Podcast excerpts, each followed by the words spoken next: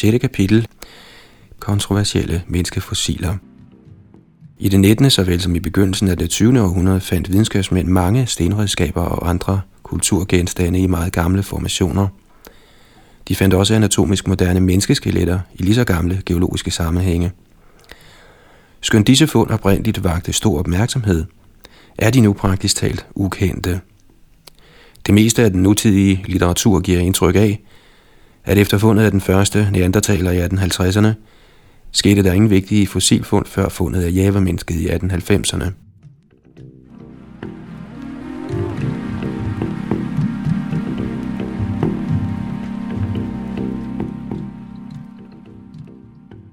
Lårknoglen fra Trenton, New Jersey, USA. Den 1. december 1899 fandt Ernest Folk, en samler, der arbejdede for The Peabody Museum of American Archaeology and Ethnology ved Universitetet i Harvard, en menneskelig lårknogle i en nyligt udgravet jernbanestrækning syd for Hancock Avenue inden for Trentons bygrænse i New Jersey, USA. Lårknoglen lå på en lille klippeafsats, to en kvart meter under jordoverfladen. Folk fortalte, citat, cirka 10 cm over knoglen var en hulning på størrelse og længde med knoglen, hvorfra den tydeligvis var faldet ned. Citat slut. Den menneskelige lårknogle blev fotograferet af folk, der fastslog, at lagene umiddelbart over, såvel som et stykke i alle retninger fra fundet var uforstyrret. Lårknoglen var fuldstændig forstenet. Den 7. december 1899 vendte Folk tilbage til jernbaneudgravningen. Omkring 8 meter vest fra det sted, hvor den forstenede lårknogle var fundet, fandt han i samme aflejring to stykker af et menneskeligt kranie. Også her var lagene uforstyrret. I et brev den 30. juli 1987 fortalte Ron Witt fra New Jersey Geological Survey os, at aflejringen, hvor knoglen og kraniestumperne blev fundet, er fra Sangamon mellemistiden og ca. 107.000 år gammel. Ifølge gængs opfattelse opstod det moderne menneske i Sydafrika for omkring 100.000 år siden og indvandrede i Amerika for højst 30.000 år siden. Kunne de menneskelige knogler have arbejdet sig ned fra overliggende lag? Folk gjorde opmærksom på, at de overliggende lag var røde og gule, mens menneskeknoglerne var, som man sagde, hvide og kridtagtige, hvilket passer sammen med den hvide sandaflejring, hvor de blev fundet.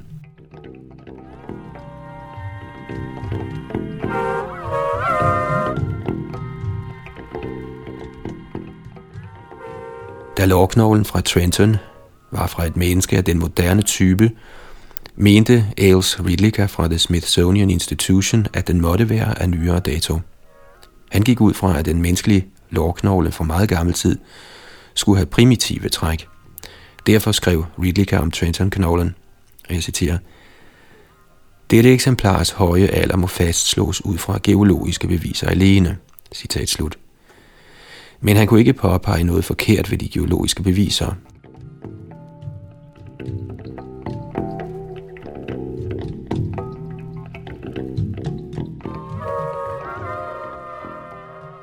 I 1800-tallet og først i 1900-tallet blev der gjort flere fund af menneskefossiler fra mellempleistocæn i Europa.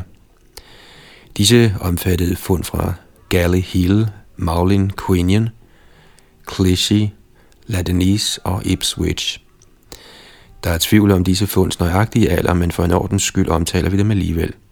At disse skeletter blev fundet i aflejringer fra mellempleistocæn kan skyldes, at det stammede fra grave fra nyere tid, at der var fejl ved indberetningerne, eller at der var tale om bedrag. Ikke desto mindre er der grund til at tro, at skeletterne virkelig er fra mellempleistocæn. Vi skal nu kort se på de mere interessante tilfælde.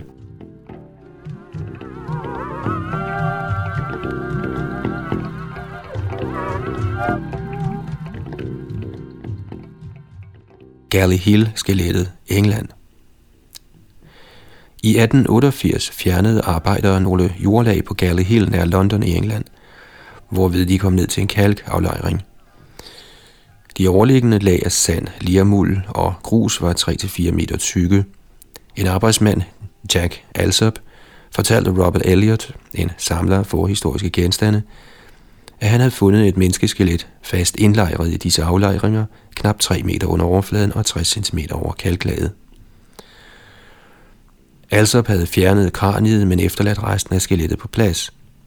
Elliot erklærede, at han fandt skelettet fast indesluttet i laget. Citat. Vi så nøje efter tegn på, at lagene på stedet var forstyrret, hvilket vi ikke fandt. Stratificeringen var ubrudt. Citat slut. Elliot gravede derefter skelettet frit og overdrog det senere til E.T. Newton, der i en afhandling gav det en meget høj alder.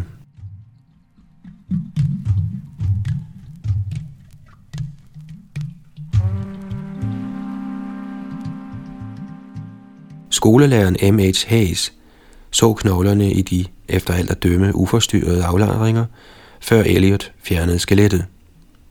Hayes så også kraniet umiddelbart efter, at det var blotlagt. Hayes skrev om knoglerne, citat, For et gennemsnitligt intelligent menneskes øjne kan der ikke være tvivl om, at det var aflejret samtidig med gruset. Lagenes uforstyrrede tilstand var så tydelig for arbejdsmanden, at han sagde, dette menneske eller dyr blev ikke begravet af nogen. Citat slut. Der blev også fundet mange stenredskaber på Galley-Hill-lokaliteten. Ifølge nutidig opfattelse er Galley-Hill-lokaliteten fra Holstein mellem istiden for omkring 330.000 år siden. Anatomisk blev Galley-Hill-skelettet anslået til at være af den moderne type. Hvad siger vore dages paleantropologer om Galley-Hill-skelettet? På trods af Hayes og Elliots stratigrafiske observationer antog K.P. Oakley og M.F.A. Montagu i 1949, at skelettet må have været fra en grav, der var gravet ned i lag fra mellem Pleistocene da knoglerne ikke var forstenet, mente de, at de kun kunne have været nogle tusind år gamle. Den samme opfattelse har næsten alle antropologer i dag.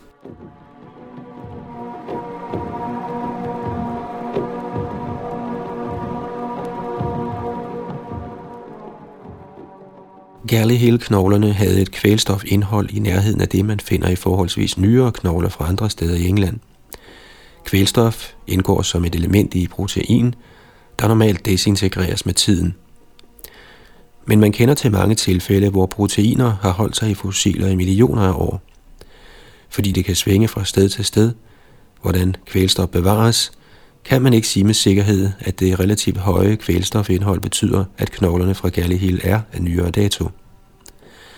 Gallihil-knoglerne blev fundet i en lermullet aflejring, der er kendt for at bevare protein. Oakley og Montago målte, at knoglerne havde et fluorindhold, der svarede til knogler fra øvre pleistocæn og holocæn, det vil nyere tid, fra andre lokaliteter. Knogler opkoncentrerer fluor fra grundvandet, men indholdet af fluor i grundvandet kan variere betragteligt fra sted til sted, hvilket gør sammenligninger af fluorindhold fra forskellige lokaliteter ubrugelige som absolute aldersindikatorer.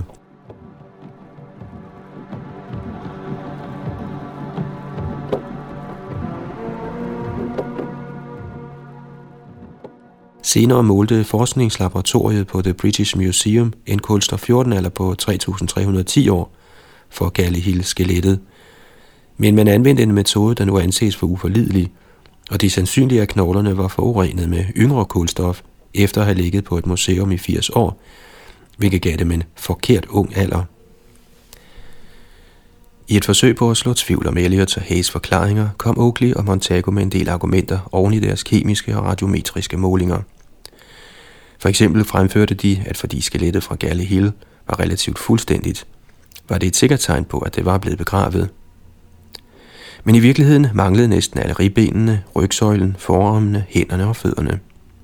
Skelettet af Lucy, det berømteste eksemplar af Australopithecus afarensis, var mere velbevaret – og ingen har endnu hævdet, at australopithecинerne begravede deres døde. Man har også fundet ret fuldstændige skeletter af Homo erectus og Homo habilis. Alle paleantropologer er enige i, at der ikke er tale om nogen form for tilsigtet begravelse ved disse tilfælde. Det er således muligt for hominidskeletter at være relativt fuldstændige i andre tilfælde, end når de er blevet begravet. Men selv hvis Gallihil-skelettet blev fundet i en grav, behøver graven ikke at være nyere dato. Sir Arthur Keith anførte i 1928, citat, Når vi vejer alle beviserne op mod hinanden, er vi tvunget til at slutte, at Gallihil-skelettet repræsenterer et menneske, der blev begravet på et tidspunkt, da de nedre gruslag udgjorde jordoverfladen. Citat slut.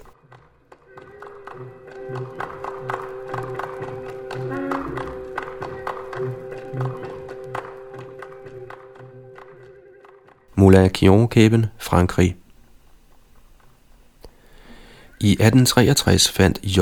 Boucher de Pert en anatomisk moderne menneskekæbe i en grusgrav ved Moulin Kion i Abbeville, Frankrig. Han gravede kæben ud 5 meter under overfladen i en aflejring af sort sand og grus, der også indeholdt stenredskaber af Achelier-typen. De achelienske lokaliteter ved Abbeville er fra Holstein-mellemistiden og således omkring 330.000 år gamle. En gruppe britiske geologer var først imponeret, da de hørte om fundet af kæben og redskaberne.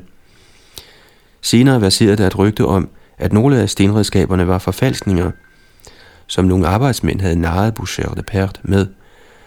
De engelske videnskabsmænd begyndte at tvivle på kæbens ægthed. De to tanter var fundet sammen med kæben med til England. Da de dissekerede den, blev de overrasket over, hvor velbevaret den var. Dette forstærkede deres tvivl. Denne tvivl er ikke nødvendigvis velbegrundet. Fossiltænder af høj alder er ofte velbevaret.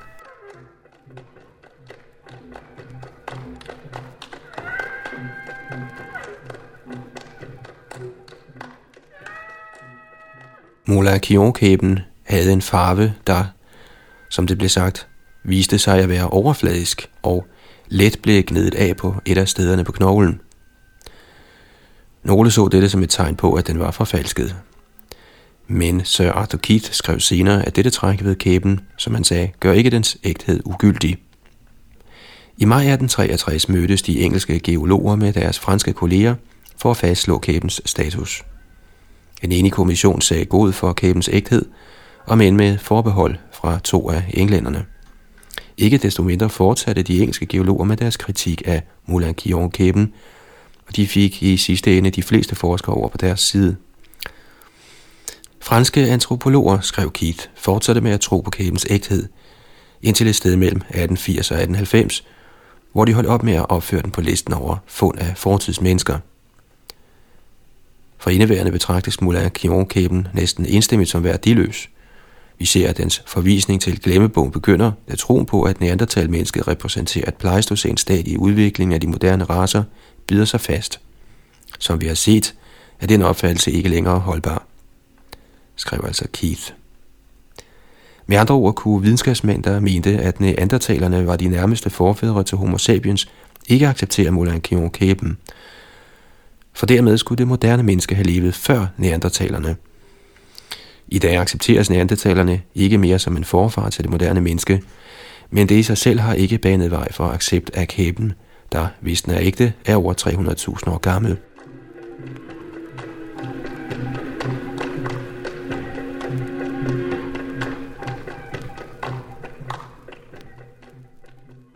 Vi har for ganske nylig fået yderligere oplysninger om Moulin-Kion-kæben. Under og efter debatten om Moulin-Kion fastholdt Boucher de Pert, hårdnakket, at hans fund var gode nok. For at underbygge dette foretog han flere udgravninger i Moulin-Kion under meget streng kontrol af videnskabelige observatører. Under disse udgravninger blev der gjort yderligere fund af anatomisk moderne menneskeknogler. Disse fund, der næsten ingen omtale fik i den engelsktalende verden, er vigtige beviser på mennesker i mellempleistocæn i Europa for over 300.000 år siden og bekræfter ægtheden af den første kæbe fra Moulin-Kion. Disse vigtige fund der kun her omtales kort, er emnet i en fremtidig bog af Michael A. Cremo.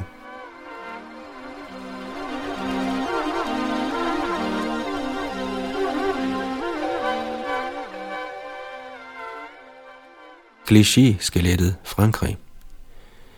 I 1868 indberettede Eugène Bertrand til det antropologiske selskab i Paris et fund, han havde gjort af en del af et menneskekranie sammen med en lårknogle, et skinneben og nogle fodknogler i et stenbrud på Avenue de Clichy. Knoglerne blev fundet 5 kvart meter under jordoverfladen. Sir Arthur Keith mente, at menneskeknoglerne fra Clichy var af samme alder som Gallihil-skelettet. Dette giver Clichy-knoglerne en alder på ca. 330.000 år. At kliché-fossilerne blev fundet i mere end 5 meters dybde, taler imod, at det er en grav fra nyere tid. I midlertid hævdede Gabriel de Mortier, at en arbejder i stenbrudet på Avenue de Clichy havde fortalt ham, at han havde gemt et skelet i brudet. Men selv efter at have hørt de Mortiers historie om arbejderen, var de fleste videnskabsmænd fortsat overbevist om, at Bertrands fund var ægte. For eksempel bemærkede professor E.T. Ami, citat, Monsieur Bertrands fund ser for mig ud til at være indiskutabelt også i betragtning af, at det ikke er det første af slagsen på Avenue de Clichy. Ja, vores respekterede kollega, Monsieur Rebu fandt på samme lokalitet og i næsten samme dybde, 4,20 meter, menneskeknogler, som han gav til mig, så jeg kunne undersøge dem. Citat slut. Keith fortalte, at til at begynde med troede næsten alle eksperter i Frankrig på Clichy-skelettet. Da de franske antropologer senere accepterede neandertalerne som det moderne menneskes pleistocæn forfædre, strøg de Clichy-skelettet, der var ældre end neandertalerne, fra listen over ægte fund. En repræsentant for det moderne menneske kunne ikke have levet før dets formodede forfædre. Neandertalerne skulle have levet fra 150.000 år indtil for 30.000 år siden, mens klichéskelettet skulle have været over 300.000 år gammelt.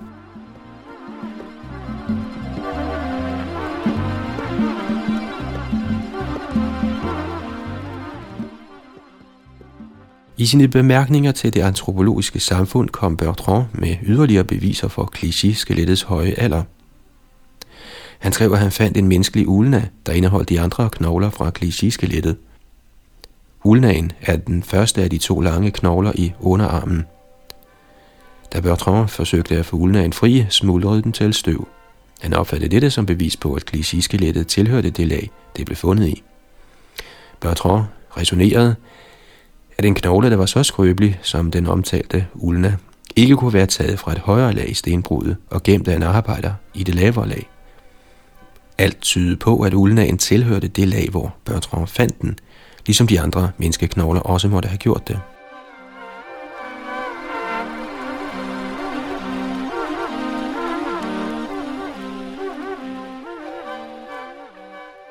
Kraniefragmenter fra La Denis, Frankrig. I 1840'erne blev der fundet stykker af menneskeknogler i nogle vulkanske aflejringer i La Denis, Frankrig. Af særlig interesse var et pandeben.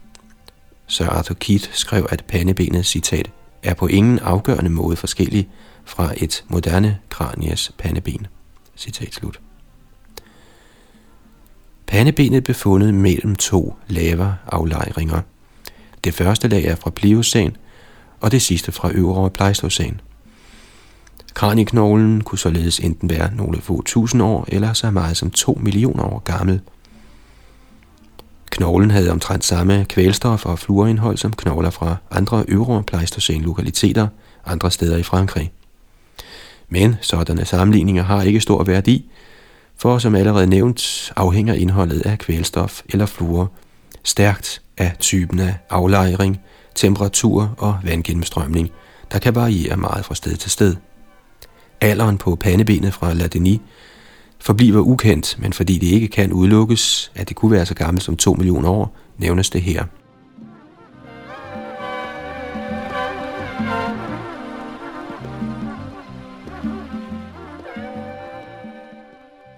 Ipswich-skelettet, England – i 1911 fandt J. Reed Moore et anatomisk moderne menneskeskelet under et lag af rullesten fra istiden nær Ipswich i East Anglia i England. Ved gennemlæsning af forskellige andenhåndsberetninger erfarede vi, at J. Reed Noir senere ændrede opfattelse og erklærede, at skelettet var af nyere dato.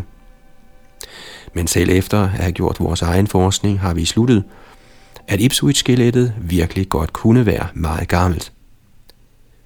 Skelettet blev fundet i en dybde på 1,40 meter under et stenholdigt lerlag, moræneler, og oven på et lag af gletsjer aflejret sand.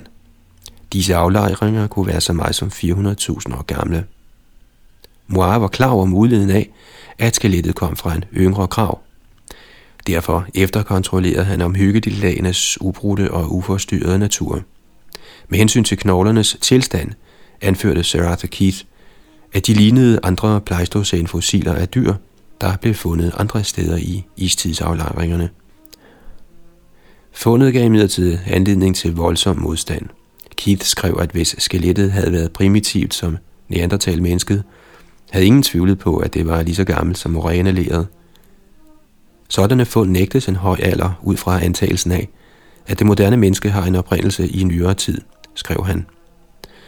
På trods af modstanden ved Moire til at begynde med ikke fra sin opfattelse af, at Ipswich-skelettet virkelig var så gammelt. Hvad fik han da til at ombestemme sig? I nærheden på samme niveau fandt han nogle stenredskaber, der mindede om redskaber fra Aurignacienne-tiden, som anses for at være for ca. 30.000 år siden. Han antog, at moræneaflejringen over skelettet var dannet ved, at mudderagtige dele af den oprindelige istids aflejring, der var aflejret flere hundrede tusind år tidligere, var ført dertil for kun 30.000 år siden.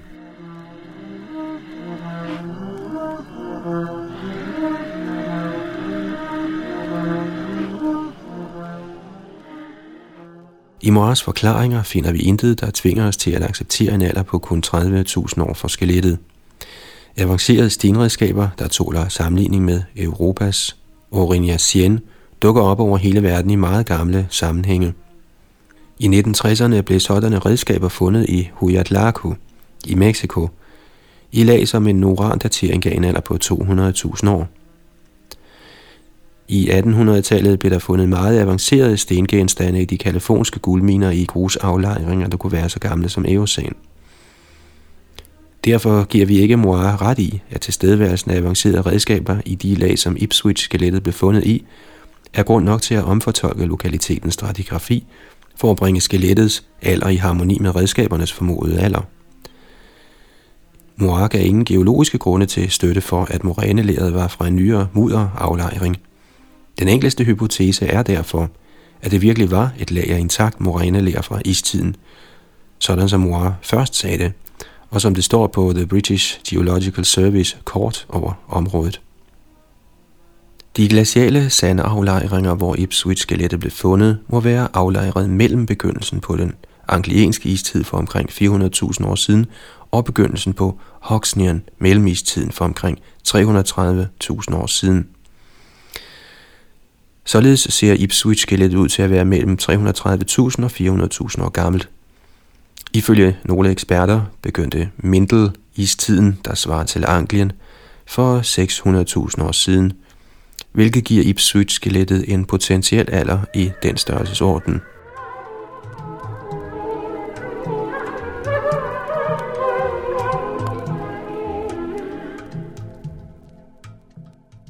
Terra Amata, Frankrig Lokaliteten Terra Amata ligger ved Middelhavskysten i Sydfrankrig.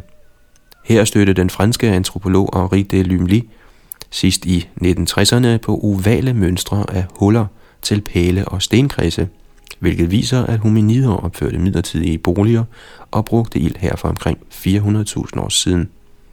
Der blev også fundet benredskaber.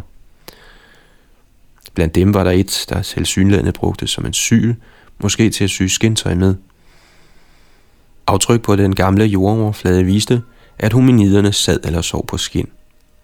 Der blev også fundet stenredskaber, inklusiv en genstand, der blev beskrevet som en kastespids, lavet af en vulkansk sten fra Esterel-området 45 km derfra. Der blev ikke fundet hominide fossiler i Terra Amata. I sin artikel fra 1969 om Terra Amata-fundene i Scientific American omtaler de Lumli i midlertid et aftryk af en højre fod, der var 23,75 cm lang og var bevaret i sandet på en klit. Dølymli kom ikke ind på, hvilken slags hominide aftrykket kom fra. Men at dømme ud fra de tilgængelige redegørelser, adskiller fodsporet sig ikke fra en anatomisk moderne menneskefod.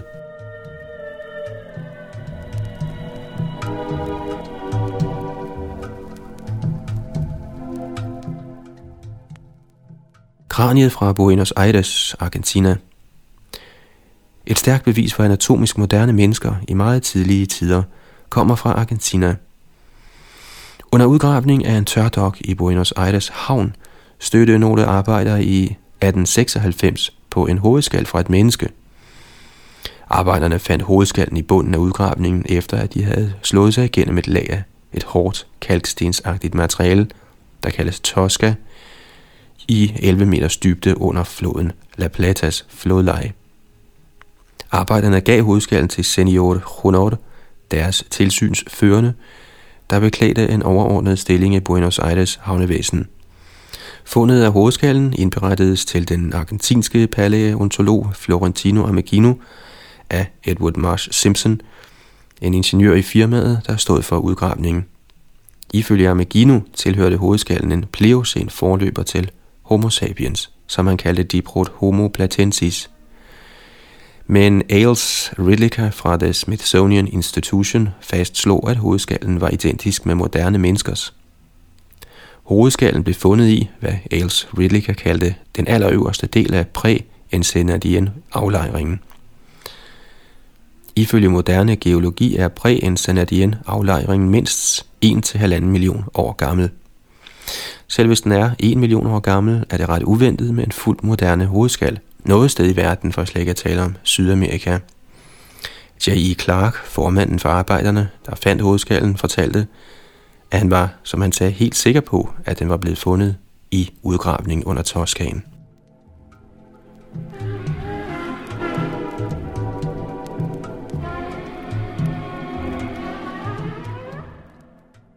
Bailey Willis, den geolog, der ledsagede Ridley på hans ekspedition til Argentina, interviewede Runord og fortalte, citat, Hovedskallen blev hentet op fra brønden, det vil sige udgravningen, og skønt denne påstand hviler på formandens udsagn, der fik det at vide af en arbejder, ser det ud til at være det eneste, der ikke er nogen alvorlig tvivl om ved historien om fundet.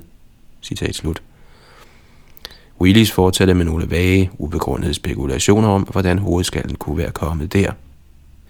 Ridley mente, at alene det, at hovedskallen havde en moderne form, var nok til at udelukke en høj alder.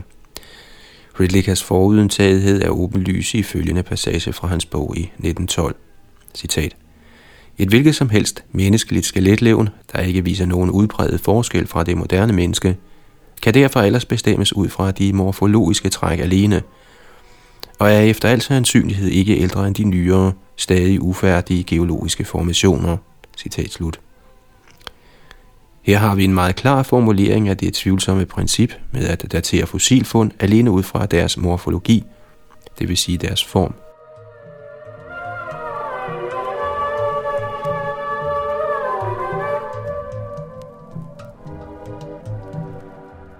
Sydamerikansk Homo erectus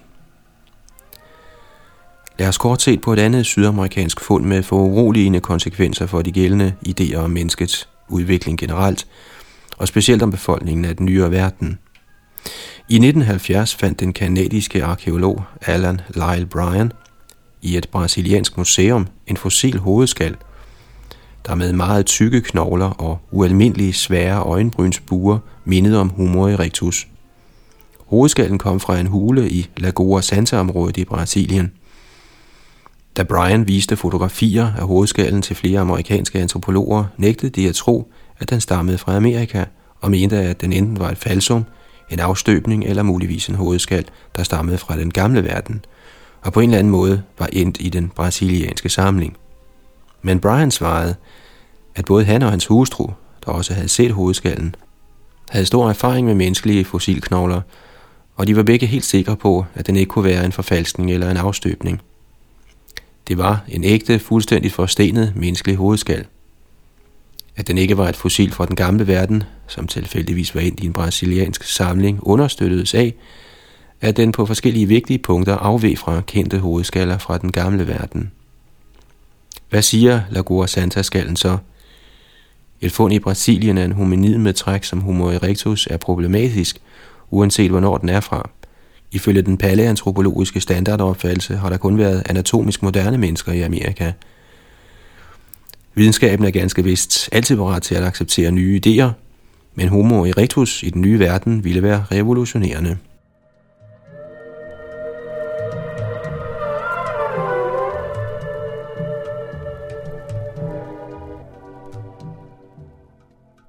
Hovedskallen fra Lagoa Santa forsvandt på mystisk vis fra det brasilianske museum et stykke tid efter, at den var undersøgt af Brian.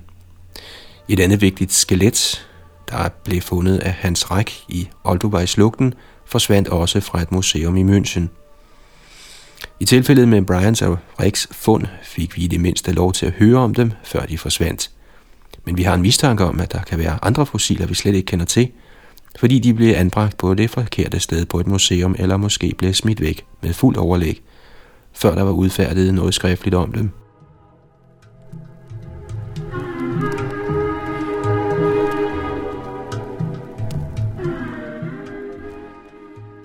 I 1855 fandt nogle arbejdere en menneskekæbe i et stenbrud ved Vauxhall i England.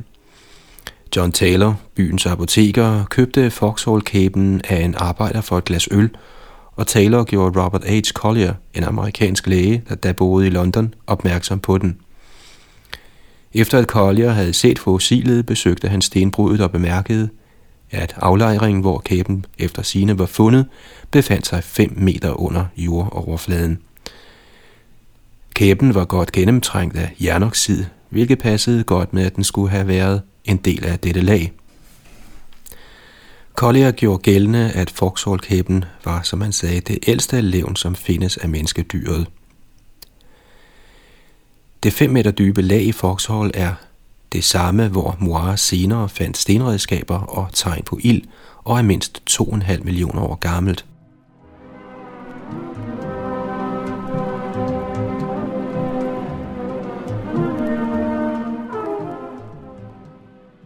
Collier var klar over, at han stod med et fossil af stor betydning og viste det til forskellige engelske videnskabsmænd som Charles Lyell, George Busk, Richard Owen, Sir John Prestwich og Thomas Huxley. Alle var de skeptiske med hensyn til dets alder. Huxley indvendte for eksempel, at knoglens form, som man sagde, ikke vidnede om, at det tilhørte en uddød eller abnorm race af menneskeheden. Her støder vi igen på den forfejlede opfattelse, at en knogle med et nutidigt udseende ikke kan være meget gammel. Da den amerikanske paleontolog Henry Fairfield Osborn skrev i 1920'erne om Moirs fund af flinteredskaber i det samme område, hvor foxhole blev fundet, undrede han sig over, hvorfor de ovenfor nævnte videnskabsmænd ikke gjorde sig den ulejlighed at se lokaliteten. De kunne ikke tro det, skrev Osborn, sandsynligvis fordi kæbens form ikke var primitiv. Knoglerne var heller ikke helt forstenede, men det samme gælder for mange andre knogler af tilsvarende alder.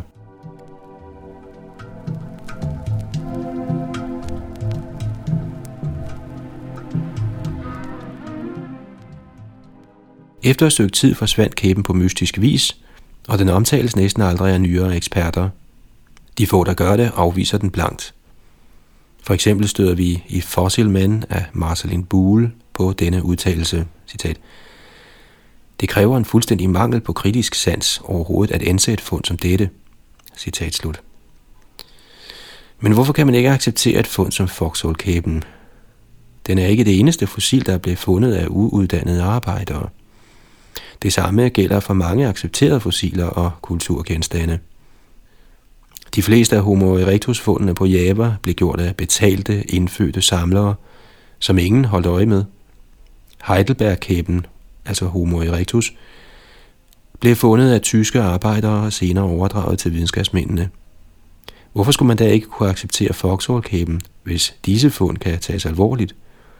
Man kan indvende, at fossilerne fra Java og Heidelberg stadigvæk findes og kan undersøges, mens Foxhall-kæben er forsvundet men de første eksemplarer af Peking-mennesket er også forsvundet, men accepteres alligevel fortsat som bevis for menneskets udvikling.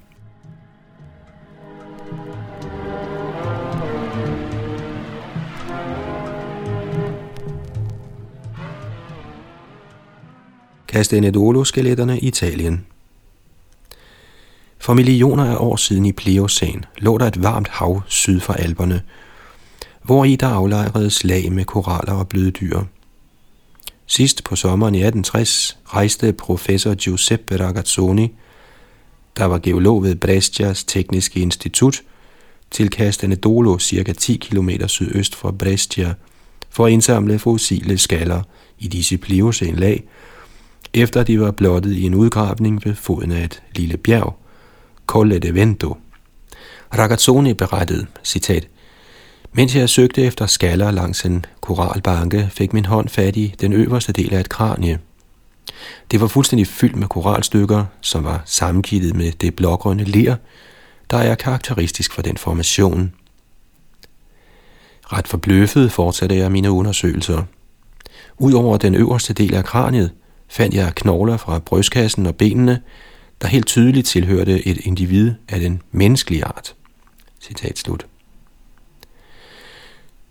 Ragazzoni viste knoglerne til geologerne A. Stopani og G. Curioni. Ifølge Ragazzoni var deres reaktion negativ. Citat. Uden at fæste meget lid til omstændighederne ved fundet, afsagde de deres mening, at i stedet for at komme fra et menneske fra meget gamle tider, stammede knoglerne fra en grav i nyere tid.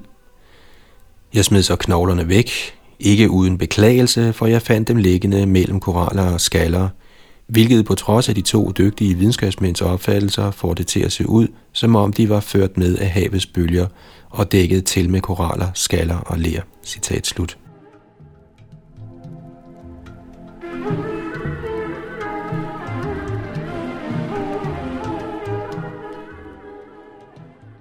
Det var ikke enden på historien.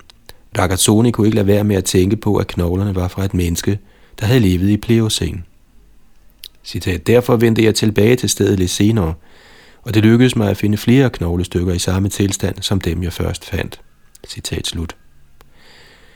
I 1875 købte Carlo Germani på Ragazzonis råd jord ved Castanedolo for at udvinde det fosfatrige skalbærende ler til gødning. Ragazzoni oplyste, og jeg citerer, jeg fortalte Germani om de knogler, jeg havde fundet, og bad ham holde øjnene åbne under sine udgravninger og vise mig et hvert levende mennesker. Citat slut.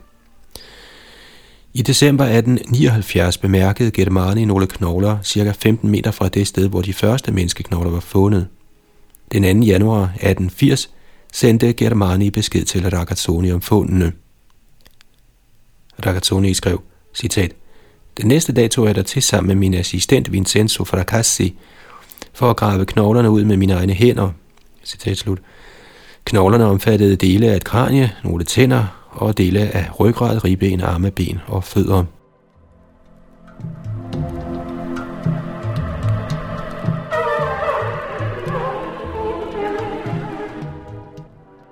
Flere fund fulgte.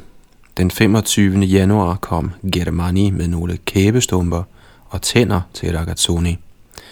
De var fundet cirka 2 meter fra de knogler, der var afdækket tidligere i januar. Ragazzoni tog tilbage til Castanedolo og fandt flere fragmenter af kranie, kæbe, ryggrad og ribben, såvel som nogle løse tænder.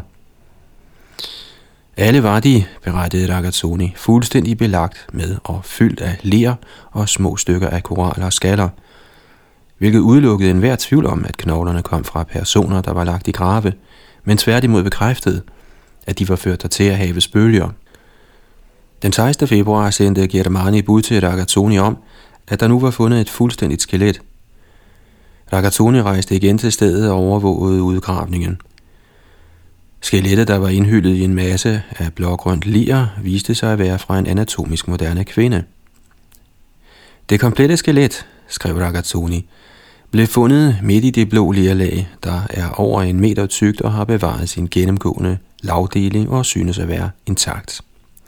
Han tilføjede, skelettet blev sandsynligvis aflejret i marint mudder og ikke begravet på et senere tidspunkt, for i så fald ville man have kunne konstatere spor af det overliggende gule sand og det jernrøde ler, der kaldes feretto. En hver form for begravelse ville have medført en mærkbar blanding af forskelligt farvede emner i det ellers urørte blå lerlag. Den professionelle geolog Ragazzoni så ingen tegn på en sådan opblanding. Det blå lers egen lavdeling var også intakt. Ragazzoni overvejede også en anden mulighed. Måske havde et vandløb fjernet lagene over det blå ler og delvis trængt ned i selve det blå ler. Menneskeknoglerne kunne da være blevet skyllet ned i disse fordybninger og nyt materiale aflejret sig over dem. Dette kunne forklare, hvorfor der ikke var et tegn på nogen form for grav. Men Ragazzoni skrev, at det var usandsynligt, at menneskefossilerne var skyllet ned i nyere tid i de aflejringer, hvor de blev fundet. Citat. Fossilresterne, der blev opdaget den 2. januar og den 25. januar, lå i en dybde på omkring 2 meter. Knoglerne befandt sig på grænsen mellem banken af skaller og koraller og det overliggende blå ler. De lå spredt, som om de var blevet splittet af bølgerne mellem havskallerne. Måden de lå på udelukker enhver senere form for sammenblanding med eller forstyrrelse af jordlagene. Citat slut. Ragazzoni oplyste en videre. Det skelet, der blev fundet den 16. februar, befandt sig i en dybde på over en meter i det blå ler og ser ud til at være blevet tildækket af efterfølgende aflejringer. Den langsomme sedimentering af det lavdelte ler udelukkede, at skelettet kunne være ført ned i det blå ler af et strømmende vandløb i nyere tid, bemærkede Ragazzoni. Nutidige geologer daterer de blå lerlag ved Castanedolo til Astien i mellem Pliocene, – hvilket giver fundet en alder på 3-4 millioner år.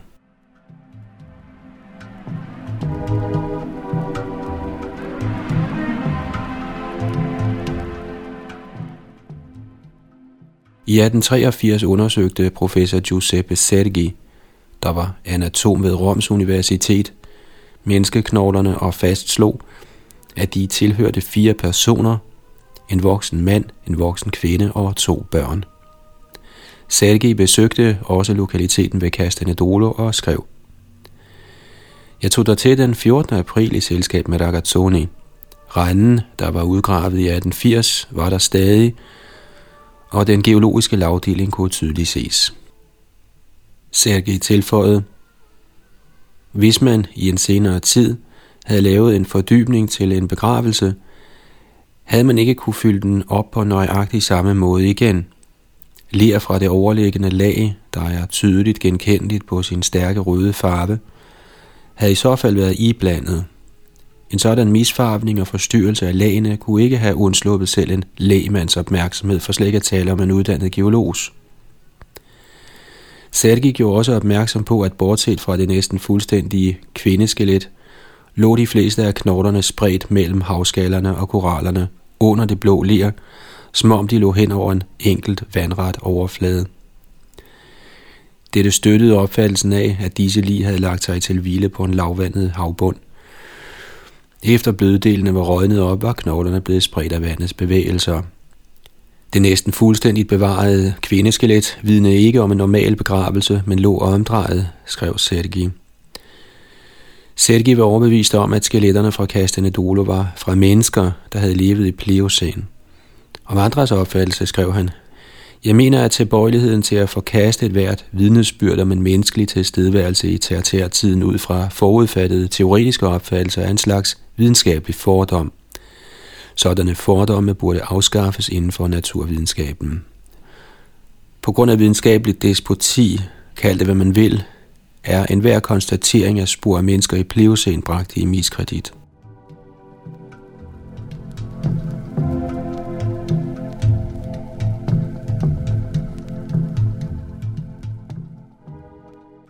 Sergei stod ikke alene med sin accept af Ragazzonis fund ved Castanedolo. Armand de Quatrefages, der er også velkendt fra vores gennemgang af stenredskaber, accepterede dem også. Med hensyn til kvindeskelettet fra Castanedolo skrev han i Rassø Ymani, citat, Der findes ingen virkelig grund til at betvivle M. Ragazzonis fund, og hvis de var gjort i et lag fra kvartærtiden, havde ingen bestridt deres ægthed. Intet kan derfor siges imod dem, ud over forudfattede teoretiske indvendinger. Citat slut. I 1889 blev der fundet endnu et menneskeskelet i Castanedolo. Dette fund førte til nogen forvirring omkring fundene fra 1880. Ragazzoni bad G. Sergi og A. Issel undersøge det nye skelet, der var fundet i en fortidig Østers aflejring. Sergi meldte tilbage, at både han og Issel mente, at dette nye skelet fra 1889 var fra en grav, der i nyere tid var gravet ned i Pleocæn lagene, for det næsten intakte skelet lå på ryggen i en revne i Østerslaget og viste tegn på at være gravlagt. Men Isel gik i sin redegørelse et skridt videre og hævdede, at fundene fra 1880 også var fra nyere grave. I en fodnote hævdede Isel, at Sergi gav ham ret i, at ingen af skeletterne fra Castanedolo var fra Pliocæn. For det videnskabelige samfund løste dette til synlædende den igangværende strid.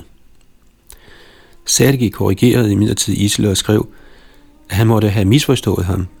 Selvom han mente, at skelettet fra 1889 var af nyere dato, havde han aldrig opgivet sin overbevisning om, at fundene fra 1880 var fra Pliocæn. Men skaden var sket, og Sergi var ikke belavet på at udkæmpe endnu en kamp for at give fundene fra 1880 oprejsning. Fra dag af blev tavshed eller latterliggørelse standardsvaret på kastende dolo.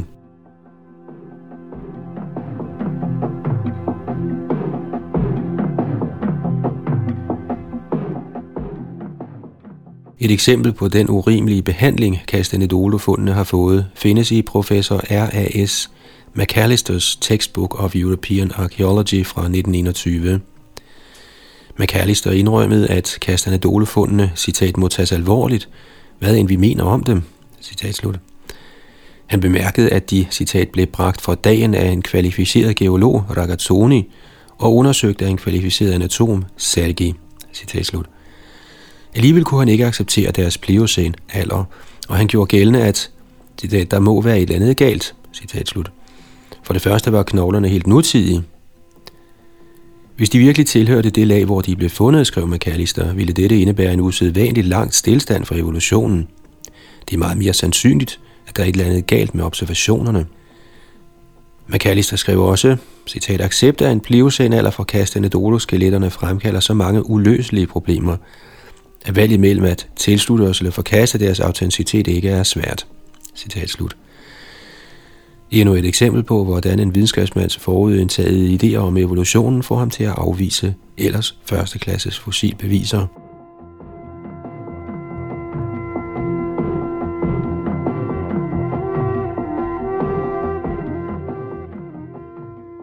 McAllister refererede til Isel i sit forsøg på at så tvivl om alle fundene fra Castanedolo, selvom Isels afhandling ret beset kun afviste skelettet fra 1889. For eksempel skrev McAllister med henvisning til alle kastende dolofundene, citat, en undersøgelse, som Isel fra Genève foretog af knoglerne og det miljø, de kom fra, afslørede, at laget var en marin aflejring, og alting i dem med undtagelse af menneskeknoglerne havde marine belægninger. Citat slut. Mens det er sandt, at knoglerne fra 1889 skelettet ifølge Isel var glatte og frie for belægninger, kan det samme ikke siges om de forudgående fund – som ifølge både Ragazzoni og Sergi havde belægninger af ler og stykker af skalddyr og koral fra Pliocæn.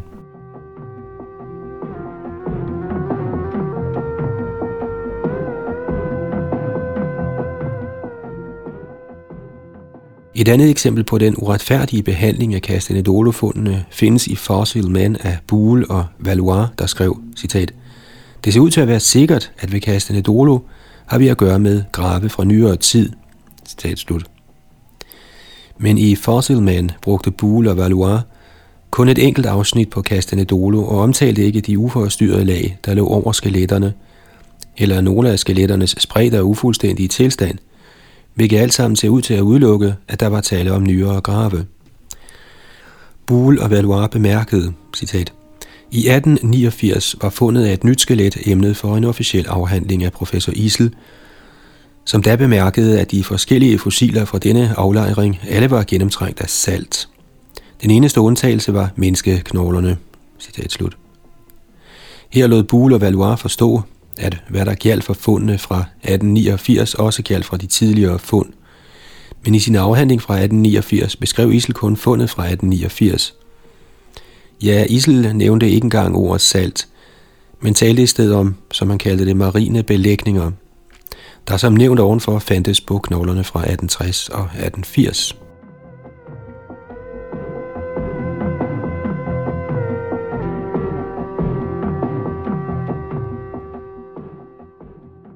Man har med kemiske og radiometriske analyser forsøgt at benægte Castanedolo-fossilernes pliocene Friske knogler indeholder en vis mængde kvælstof i deres protein, og denne mængde er tilbøjelig til at blive mindre med tiden. I en afhandling fra 1980 fremførte K.P. Oakley, at knoglerne fra Castanedolo havde et kvælstofindhold, der svarede til andre knogler fra italienske lokaliteter fra Øvre Pleistocæn og Holocæn, og sluttede derfor, at Castanedolo-knoglerne var af nyere dato. Men hvor meget kvælstof, der bevares i knogler, varierer voldsomt fra sted til sted, hvilket gør sådanne sammenligninger helt ubrugelige til aldersfastsættelse. Knoglerne fra Castanedolo blev fundet i ler, et materiale, der er tilbøjeligt til at bevare kvælstofholdige knogleproteiner.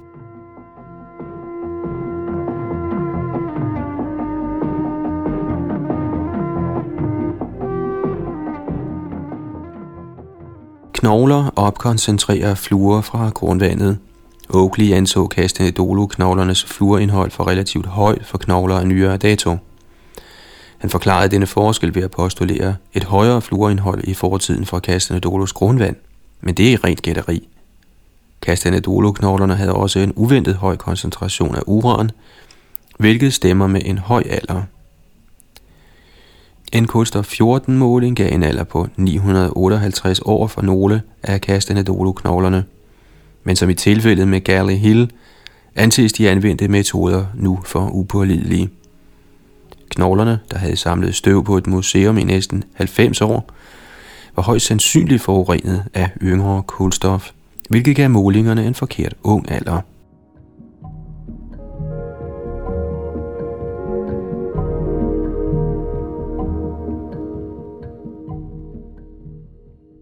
Tilfældet med Castanedolo demonstrerer svaghederne ved paleantropologernes metoder. Den første angivelse af en pleocenalder for fundene fra 1860 og 1880 virker velbegrundet. Fundene blev gjort af Dr. Ragazzoni, en professionel geolog, der omhyggeligt optegnede lokalitetens stratigrafi. Han søgte især efter tegn på, om der var tale om yngre gravsteder, og fandt ingen. Han rapporterede på behørig vis sine fund – i videnskabelige tidsskrifter, men fordi fundene var morfologisk moderne, blev de udsat for en voldsom negativ kritik. Som McAllister formulerede det, måtte der være et eller andet galt.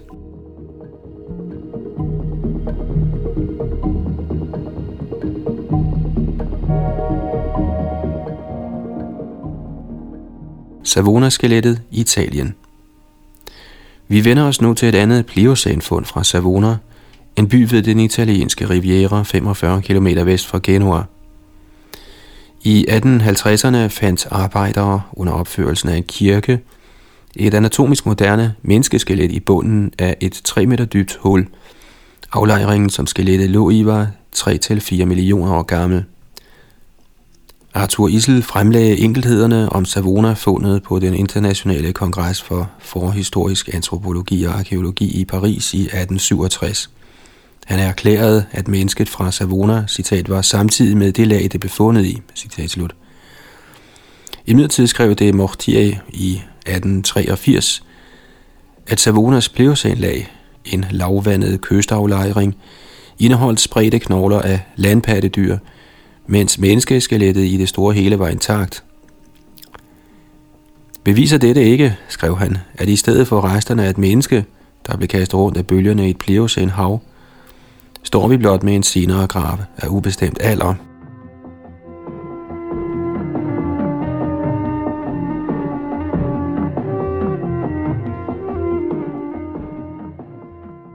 På den internationale kongres for forhistorisk antropologi og arkeologi i Bologna i 1871 gav præsten fader Deo Gratais, der havde overværet fundet af skelettet i Savona, en kort redegørelse, hvor han konkluderede, at det ikke var en nyere grav, Deogratais, der også kendte til paleontologi, bemærkede, citat, Kroppen lå udstrakt med armene opad og hovedet en lille smule bøjet fremad og ned, men selve kroppen lå højere end benene, som et menneske i vand ville gøre det.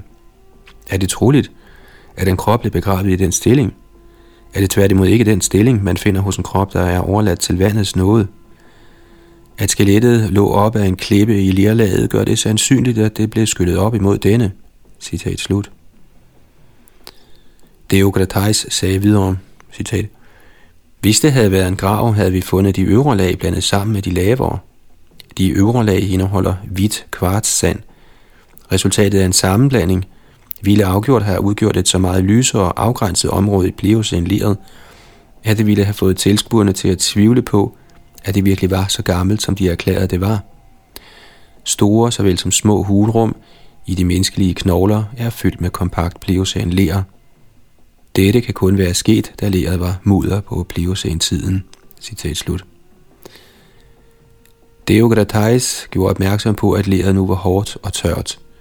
Skelettet blev også fundet i 3 meters dybde, hvilket er ret meget for en grav.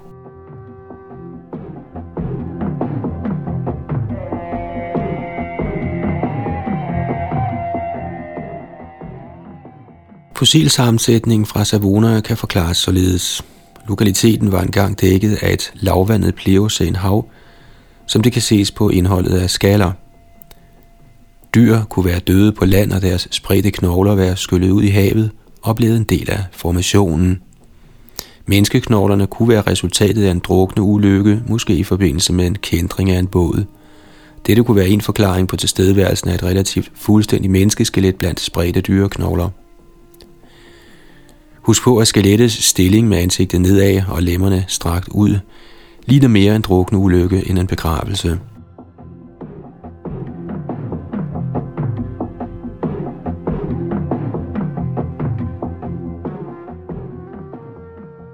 Rygvirvel fra Monte Hermoso, Argentina.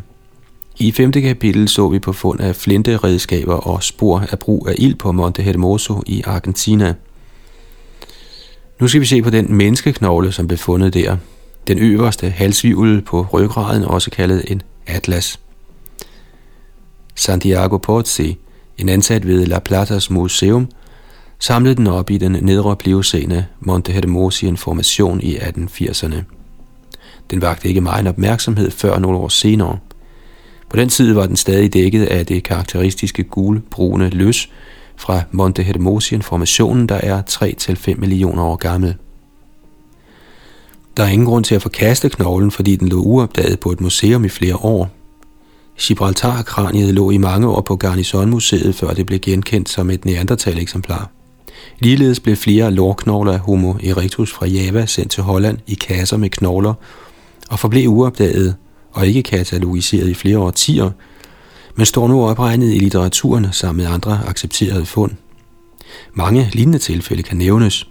I talrige tilfælde er videnskabsmænd blevet opmærksomme på mange nu fuldt accepterede fossilfund på samme måde, som man bliver opmærksom på knoglen fra Monte Hermoso.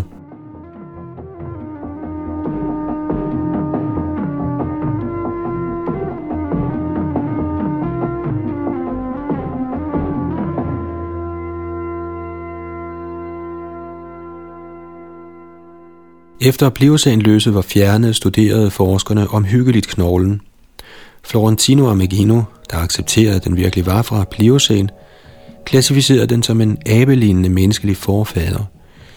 I sin beskrivelse af knoglen fremhævede han nogle træk, han mente var primitive. Men Ailes Ridlicker påviste overbevisende, at knoglen i virkeligheden var fuldt moderne. Ligesom Amegino mente Ridlicker, at den menneskelige form skulle blive mere og mere primitiv – efterhånden som vi bevæger os tilbage i tiden. Hvis en knogle var af den fuldt moderne type, var den ifølge Ridlicker af yngre dato, uanset hvor den blev fundet. En knogle i en gammel aflejring kunne altid, ja skulle altid, forklares som en slags intrusion. Alt i alt mente Ridlicker, at knoglen fra Monte Hermoso, citat, nødvendigvis måtte efterlades i ubemærkethedens mørke, citat slut. Det er nøjagtigt, hvad der skete – Ellers ville Ridlikas opfattelse af, at der kun havde været mennesker i Amerika i nyere tid, være på meget gyngende grund. I dag vil mange insistere på, at atlasen fra Monte Hermoso forbliver i ubemærkethedens mørke. Bevis for fuldstændigt moderne mennesker for 3 millioner år siden, eller mere i Argentina af alle steder, er stadig ikke velkomment i det almene palæantropologiske samfund.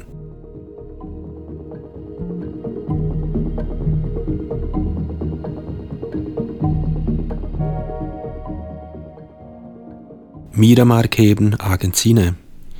I 1921 indberettede M.A. Vignati, at en menneskelig underkæbe med to kendtænder var fundet i den øvre pliocene Chabat Malalien-formation i Miramar i Argentina. Tidligere var der fundet stenredskaber og en dyreknogle med en indkapslet pilespids på denne lokalitet. Det har vi hørt om i kapitel 5. Kæben blev fundet af Lorenzo Parodi, en museumssamler. E. Bogman fortæller, at Parodi fandt kæben og dens tilhørende kindtænder, citat, indlejret i Barankan eller klinten dybt inde i Chapat Malalien, laget, i niveau med havets overflade, citat slut. Kæben ville således være 2-3 millioner år gammel. Bogman var imidlertid skeptisk. Han bemærkede, citat, Aviserne kom med bombastiske artikler om det såkaldt ældste menneskefund i verden. Men alle, der undersøgte kendtænderne, kunne se, at de var identiske med kendtænder hos moderne mennesker. Citat slut. Bogman tog det for givet, at Mittermartkæbens fuldstændigt menneskelige karakter med sikkerhed var bevis på en ung alder. Men Bogman sagde intet, der udelukker, at Mittermark-fossilet er bevis på eksistensen af fuldt moderne mennesker i Pleocene i Argentina.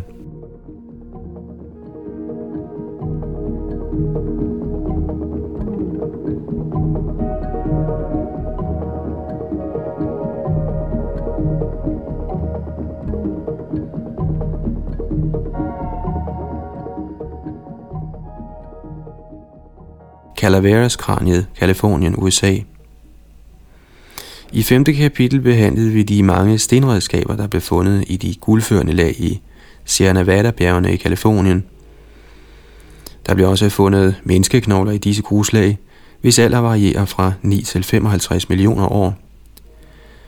I februar 1866 fandt Mr. Mattison ejeren af minen på Bald Hill nær Angels Creek i Calaveras County – en kranieskal i et gruslag 39 meter under jordoverfladen. Gruset lå over på grundfjellet under flere tydelige lag af vulkansk materiale. Vulkanudbrydene begyndte i dette område i oligocæn, fortsatte gennem miocæn og sluttede i pliocæn. Da kraniet blev fundet nær bunden af lavfølgende af skiftevis grus og lava, er gruset, hvor kraniet blev fundet, ældre end pliocæn, måske meget ældre – et stykke tid efter fundet af kraniet gav Mattison det til Mr. Scribner, en repræsentant for Wells Fargo and Companies Express i Angels. Scribners kontormand, Mr. Matthews, rensede fossilet for en del af de belægninger, der dækkede det meste af det. Da han forstod, at det var en del af et menneskekranie, sendte han det videre til Dr. Jones, der boede i den nærliggende landsby Murphys, og var en ivrig samler af sådanne ting. Dr. Jones informerede det Geological Service kontor i San Francisco og sendte kraniet dertil, hvor det blev undersøgt af statsgeologen J.D. Whitney. Whitney rejste med det samme til Murphys og Angels, hvor han personligt udspurgte Mr. Mattison, der bekræftede Dr. Jones' redegørelse. Whitney kendte personligt både Scribner og Jones og anså dem for at være pålidelige.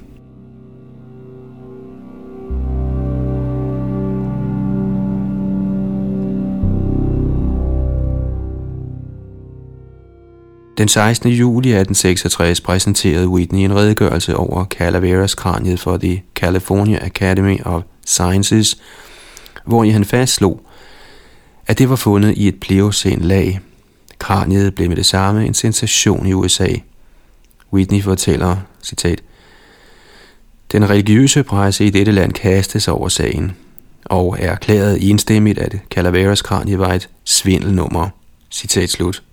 Whitney gjorde opmærksom på, at historierne om svindel først dukkede op, da fundet kom ud i aviserne. Nogle af svindelhistorierne kom dog ikke fra avisernes journalister, men fra videnskabsmænd som William H. Holmes fra The Smithsonian Institution. Under et besøg i Calaveras County interviewede han folk, der kendte Mr. Scribner og Dr. Jones, og deres udtalelser åbnede for den mulighed, at kraniet ikke var et tertiær fossil. Men der er et problem med svindelhypotesen, der er mange versioner af den.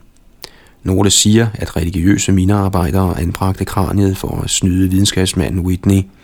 Nogle siger, at minearbejdere anbragte et kranie for at narre en anden minearbejder.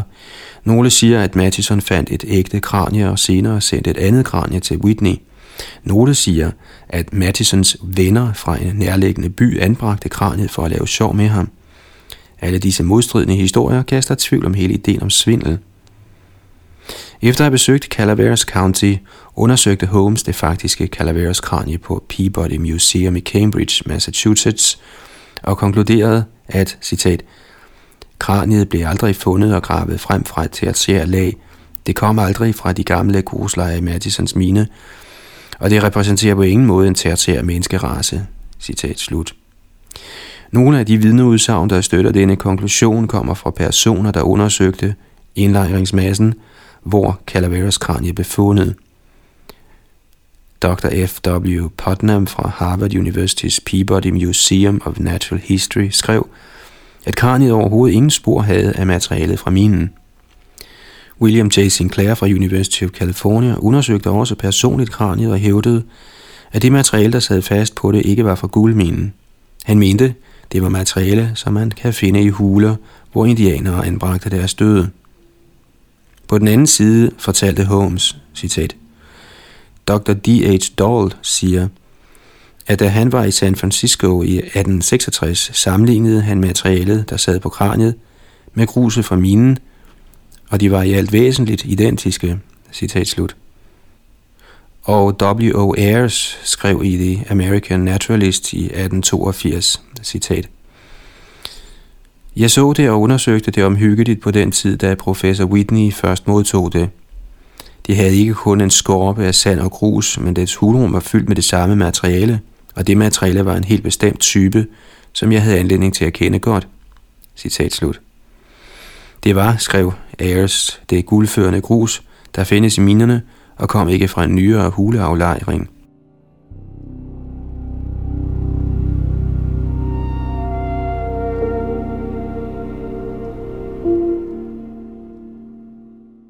Med hensyn til kraniet gjorde Ares også opmærksom på, citat, det siges, at det er et moderne kranie, hvorpå en skorpe har dannet sig efter, at det har været begravet i nogle få år. Denne påstand kan imidlertid aldrig komme fra en, der kender området. Sådan opfører sandet sig slet ikke. Kraniets hulrum er fyldt med det størknede og sammenkittede sand på en måde, som kun kunne være sket ved, at det var kommet derind i en fugtig, halvflydende tilstand, som sandet ikke har kendt til, siden det første gang blev aflejret. Citat slut. Whitney bemærkede i sin første beskrivelse af fossilet, at det var stærkt fossilificeret. Dette stemmer overens med en høj alder. I midlertid er det også rigtigt, som Holmes påpegede det, at knogler kan blive forstenet i løbet af nogle hundrede eller tusinde år. Dog skrev geologen George Becker i 1891, citat, jeg oplever, at ret mange sagkyndige er helt overbevist om ægtheden af Calaveras kraniet, og Mrs. Clarence King og O.C. Marsh, F.W. Putnam og W.H. Dahl har alle forsikret mig om, at denne knogle blev fundet in situ i gruset nede under lavaen. Citat slut.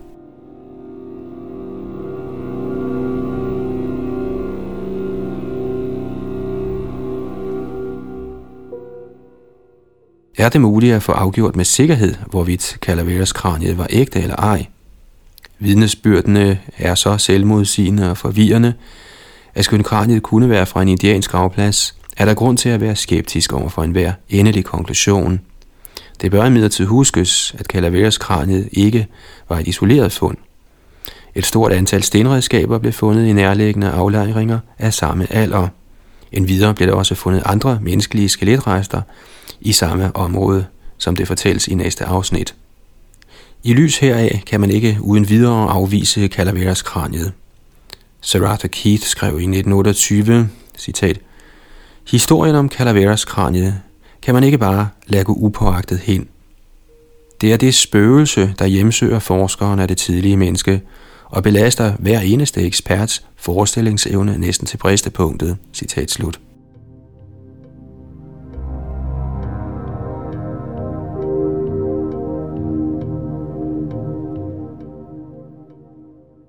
Flere menneskefossiler fra Kaliforniens guldminer den 1. januar 1873 fremlagde præsidenten for The Boston Society of Natural History et uddrag af et brev fra Dr. C.F. Winslow, der fortalte om et fund af menneskeknogler på Table Mountain i Tuolumne County.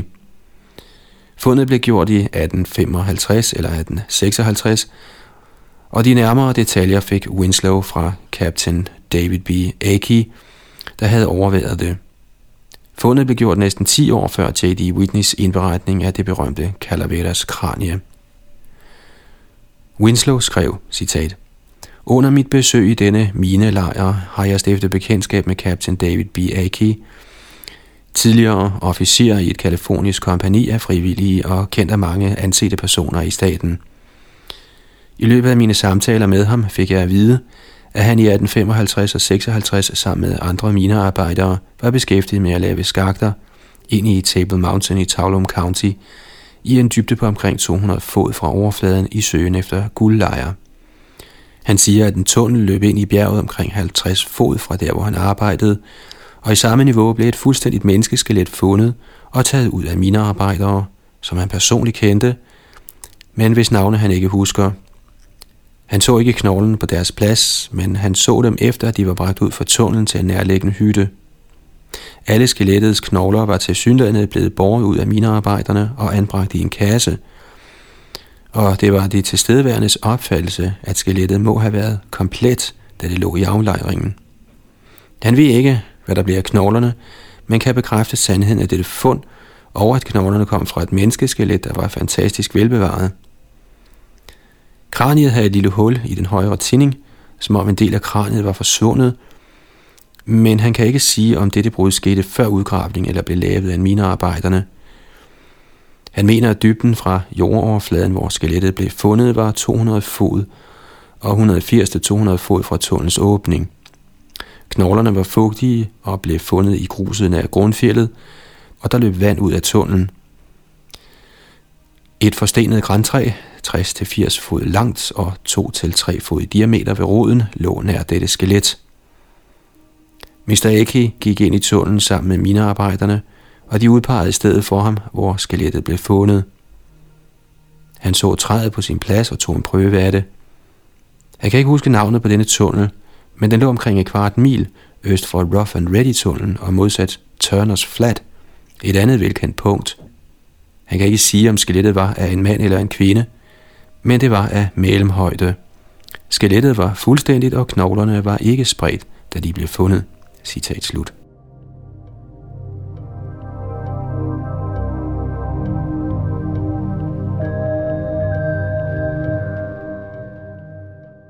Gruset lige over grundfjellet på Taulum Table Mountain, hvor skelettet blev fundet, er imellem 33 og 55 millioner år gammelt. Dette må være skelettets alder, med mindre det kom i kruset på et senere tidspunkt, hvilket intet tyder på.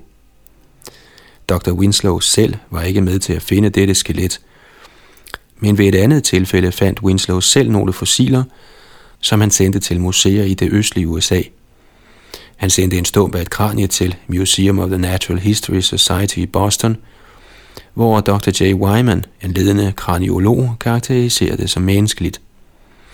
Fossilet var forsynet med følgende etikette. Citat.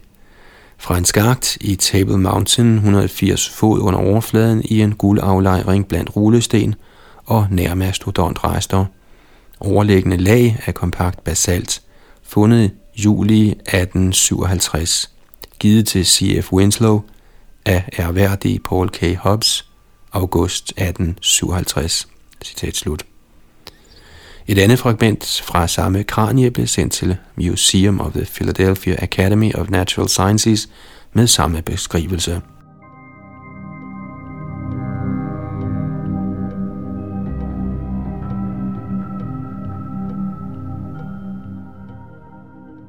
Da J.D. Whitney hørte om dette fund, indledte han sine egne undersøgelser.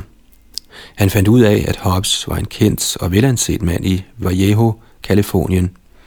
Whitney fik en detaljeret redegørelse fra Hobbes, der bemærkede, at fundet skete i Valentinsgarten syd for Shores Flat. Whitney skrev, citat, De grundlæggende kendskærninger er, at Valentines-skakten var lodret og blev klædt med brædder hele vejen op til toppen, så intet kunne være faldet ned fra overfladen, mens der blev arbejdet ned under jorden. Der er ingen tvivl om, at fundet kom fra aflejringen under Table Mountain, som bekræftede af Mr. Hobbs. Citat slut.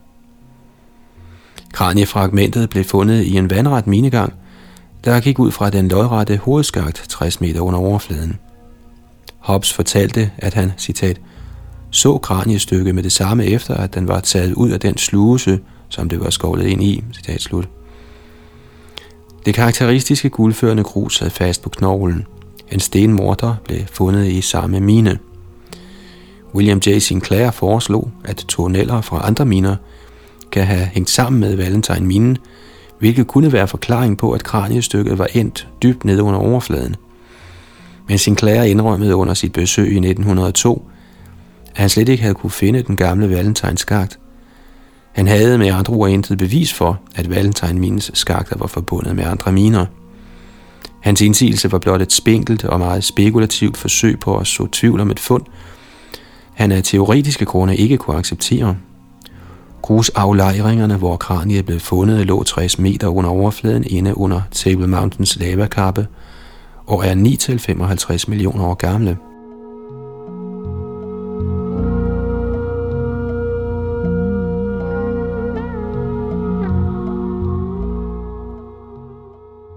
Da J.D. Whitney undersøgte en samling stenartefakter, der tilhørte Dr. Peters Snell, lagde han mærke til en menneskekæbe.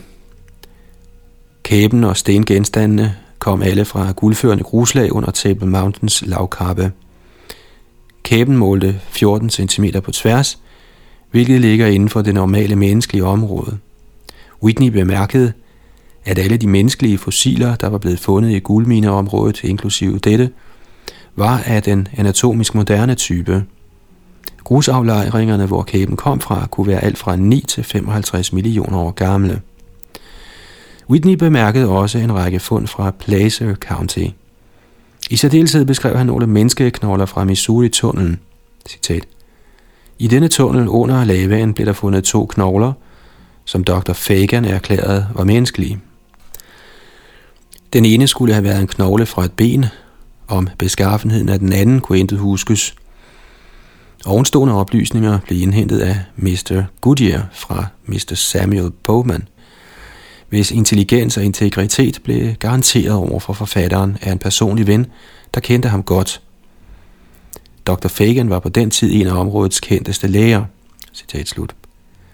Ifølge California Division of Mines and Geology er aflejringerne, hvor knoglerne blev fundet, over 8,7 millioner år gamle.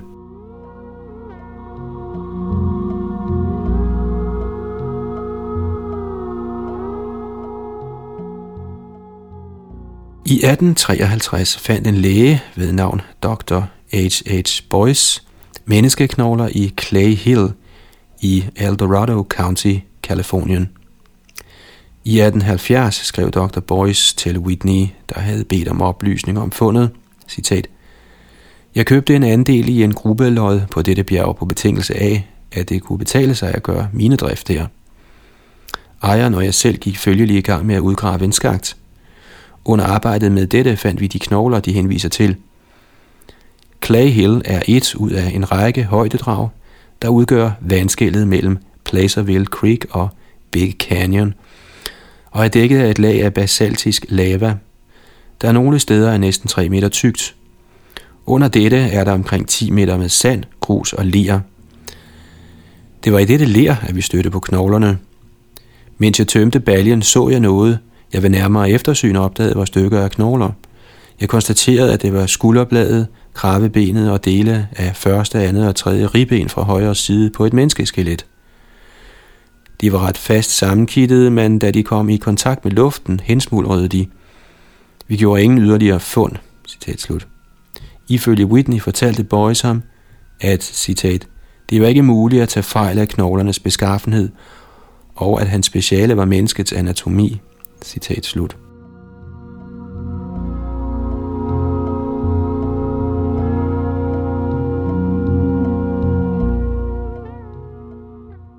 William J. Sinclair forsøgte hårdnakket at skabe så meget tvivl om fundet, som han kunne. Han skrev, at han ikke havde kunne finde lerlaget, for skråningen var dækket med løse klippestykker. Han skrev videre, citat, Indtrykket man får er, at skelettet, der blev fundet af Dr. Boyce, lå i en dybde på 13 meter i uforstyrret lag under 3 meter basalt. Der er imidlertid intet i brevet, der viser, at dette var de lag, man kom igen ved udgravningen af Boys skakten. Citat slut. På grund af uklarheden omkring skaktens nøjagtige placering, sluttede Sinclair således, citat, Skelettet kan være fundet på et sådan sted og en sådan dybde i leret, at muligheden for, at det er en grav for nyere tid, burde overvejes. Citat slut. Sinclairs punkter er reelle nok, og vi giver ham ret i, at der kan være grund til at tvivle på alderen for de skeletrester, der blev fundet på Clay Hill. Men at der lå så mange sten og klippestykker ved foden af bjerget, at Sinclair ikke var i stand til at komme til lerlaget nedenunder, er snarere et argument imod muligheden for en grav fra nyere tid. Hvis det var en grav fra nyere tid, er det også påfaldende få knogler, der blev fundet –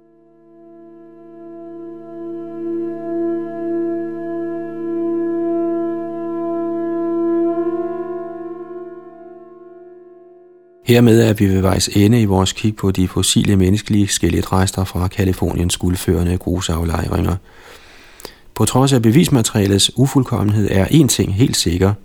Der er blevet fundet menneskeknogler i de tertiære grusaflejringer, der i alder går så langt tilbage som helt til Eosan. Hvordan knoglerne kom der, er et åbent spørgsmål.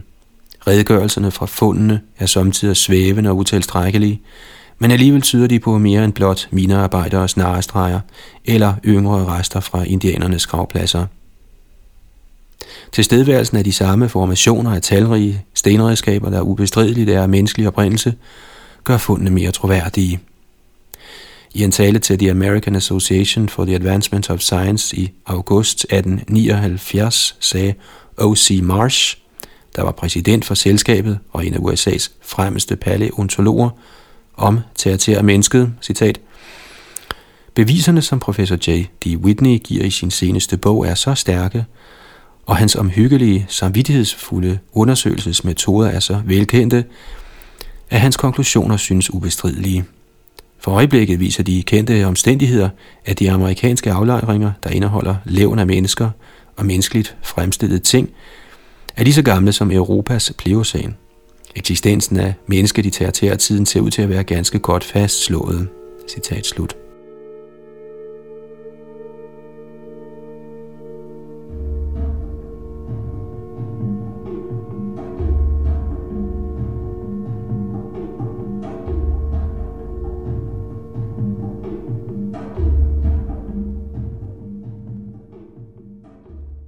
Meget gamle europæiske fund – Flere tegn på mennesker i nedre og mellemtertiærtid kommer fra Europa. Ifølge Gabriel de Mortier indberettede M. Kikares fundet af et skelet ved Delemont i Schweiz i en jernholdig lieraflejring, der skulle være fra Øvre Eocæn. Om dette fund skrev de Mortier blot, at man bør være mistænksom over for menneskeskeletter, der findes med alle knogler intakte. De Mortier skrev videre, at man også burde være forbeholden over for et tilsvarende fuldstændigt skelet, der blev fundet i Garrigou i et miocen-lag ved Midi de France. Det er imidlertid muligt, at disse fossiler blev begravet i Eocen eller Miocen. Hvorfor behøver en begravelse være af nyere dato? Det utilfredsstillende ved disse fund er, at det er umuligt at få mere viden om dem. Vi kender dem kun gennem en kort omtale hos en forsker, der var opsat på at skabe tvivl om dem – fordi sådanne fund virkede tvivlsomme på videnskabsmænd som de Mortier, blev de aldrig nærmere undersøgt og gik hurtigt i glemmebogen. Hvor mange sådanne fund er der gjort? Vi får det nok aldrig at vide.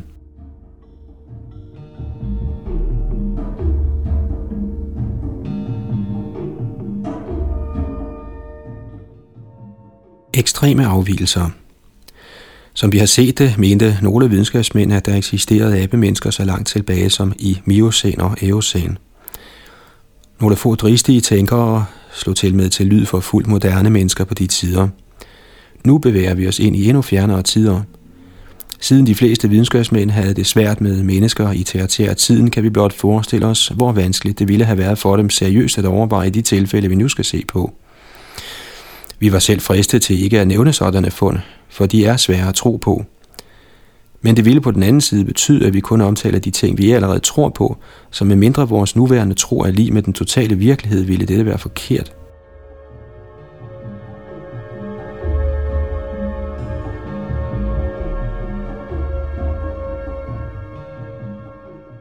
I december 1862 stod følgende korte, men interessante notits i et tidsskrift ved navn The Geologist. Citat.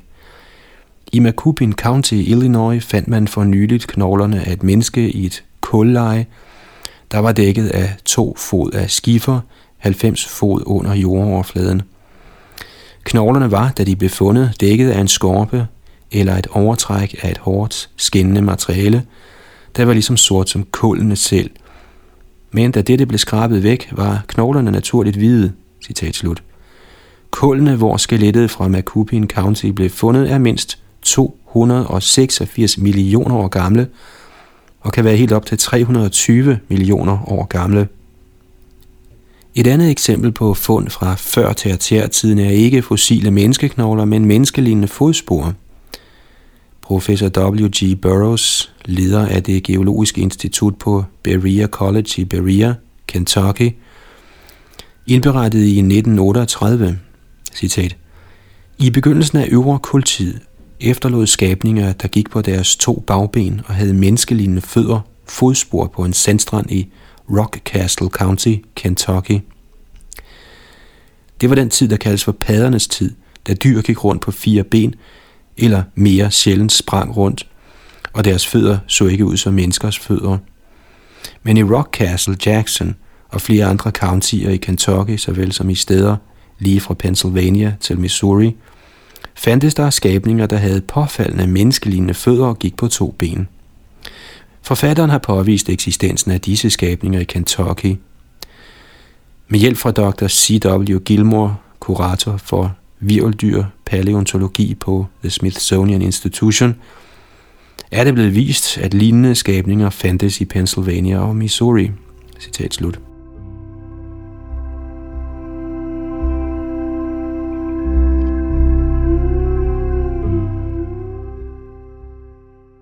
Den øvre kultid begyndte for ca. 320 millioner år siden. Det menes, at de første dyr, der overhovedet var i stand til at gå oprejst på to ben, dukkede op for omkring 210 millioner år siden. Disse firebenslignende padder, der kunne løbe på deres bagben, ville ikke have efterladt mærker efter deres haler, da de holdt deres haler løftet. Deres fødder lignede dog på ingen måde menneskefødder, men mest af alt fuglefødder. Ifølge videnskaben viste de første abelignende skabninger sig for 37 millioner år siden, og først for 4 millioner år siden øh, ville de fleste forskere vente at finde fodspor, der på nogen måde ligner dem, der blev indberettet af Burroughs fra Kentuckys kultid. Burroughs skrev, citat, Hvert fodspor har fem tæer og en tydelig svang. Tæerne er spredt fra hinanden, som på et menneske, der aldrig har gået med sko. Foden krummer tilbage som en menneskefod til, hvad der ligner en menneskelig hæl. Citat slut. David L. Bushnell, etnolog på The Smithsonian Institution, foreslog, at fodsporene var udhugget af indianere. For at udelukke denne mulighed undersøgte Dr. Burroughs fodsporene under et mikroskop og bemærkede, citat, Sandkornene inde i fodsporene ligger tættere sammen end sandkornene i bjergretten lige uden for fodsporene, på grund af trykket fra væsenernes fødder. Sandstenen lige ved siden af mange af fodsporene er presset op, fordi det fugtige løse sand er blevet skubbet op omkring foden, når foden sank ned i sandet. Citat slut. Dette fik Burroughs til at slutte, at de menneskelignende fodspor blev dannet ved sammentrykning i det bløde våde sand, før det antog fast form som bjergart for omkring 300 millioner år siden. Burroughs jagttagelse blev bekræftet af andre forskere.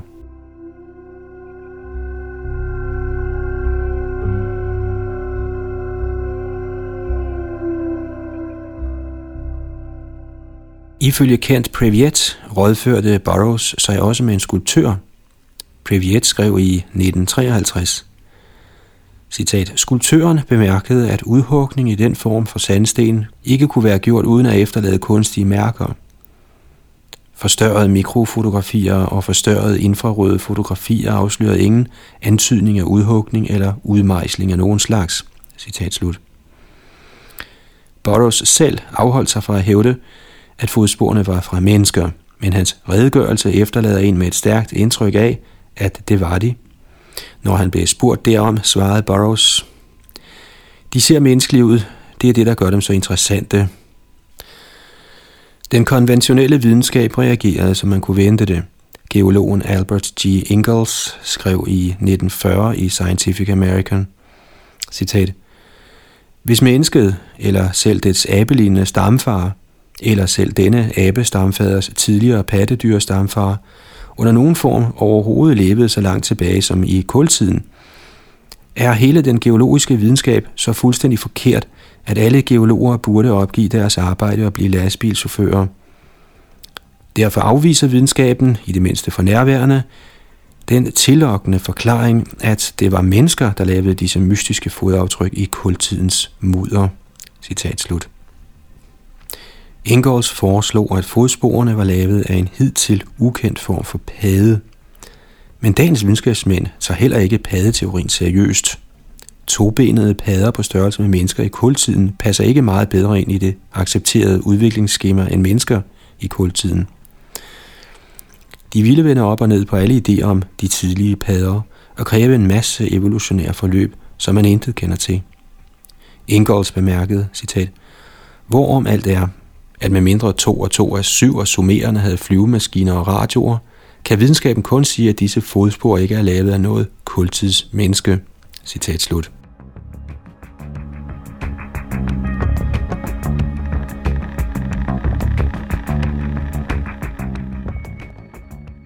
I 1983 fortalte Moscow News kort, men interessant om, hvad der syntes at være et menneskeligt fodspor i en 150 millioner år gammel klippe fra juratiden ved siden af et kæmpemæssigt trætoget dinosaurfodspor. Fundet blev gjort i den turkmeniske republik, i det der dengang var det sydøstlige Sovjetunionen. Professor Amaniasov fra det turkmeniske videnskabsakademi bemærkede, at skønt fodaftrykket lignede et menneskeligt fodspor, var der intet afgørende bevis for, at det var lavet af et menneske. Dette fund har ikke vagt meget opmærksomhed, men under alle omstændigheder er en sådan ligegyldighed at forvente. Vi kender kun til ganske få tilfælde af lignende voldsomt afvigende fund, men da mange sådanne fund måske slet ikke bliver indberettet, tillader vi os at undre os over, hvor mange der i virkeligheden er.